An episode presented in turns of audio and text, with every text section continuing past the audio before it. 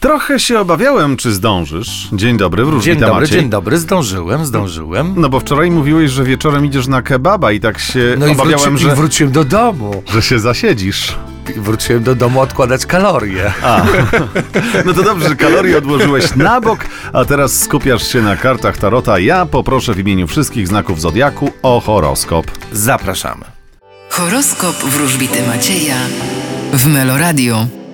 Baran, Wasz status finansowy może ulec poprawie. byk, Oj, będzie się działo i nie będzie nudno. bliźnięta, Wy postawicie na siebie. rak, Będziecie pokonywać jakieś trudności i przeciwności. lew, Wy możecie stać na rozdrożu. panna, Wy zmienicie kierunek swojego postępowania. waga, Wy będziecie realizować się na polu miłości. skorpion, Czekają Was przepływy gotówki. strzelec, Los zakończy za Was pewne przedsięwzięcia, które mają odejść do przeszłości. koziorożec, Wy będziecie rozpoczynać nowy etap swojego życia. wodnik, Wy, wprost przeciwnie, będziecie wracać do tego, co było. ryby. A Wy będziecie o dziwo rządzić. A wy, Macieju, o kim dzisiaj więcej?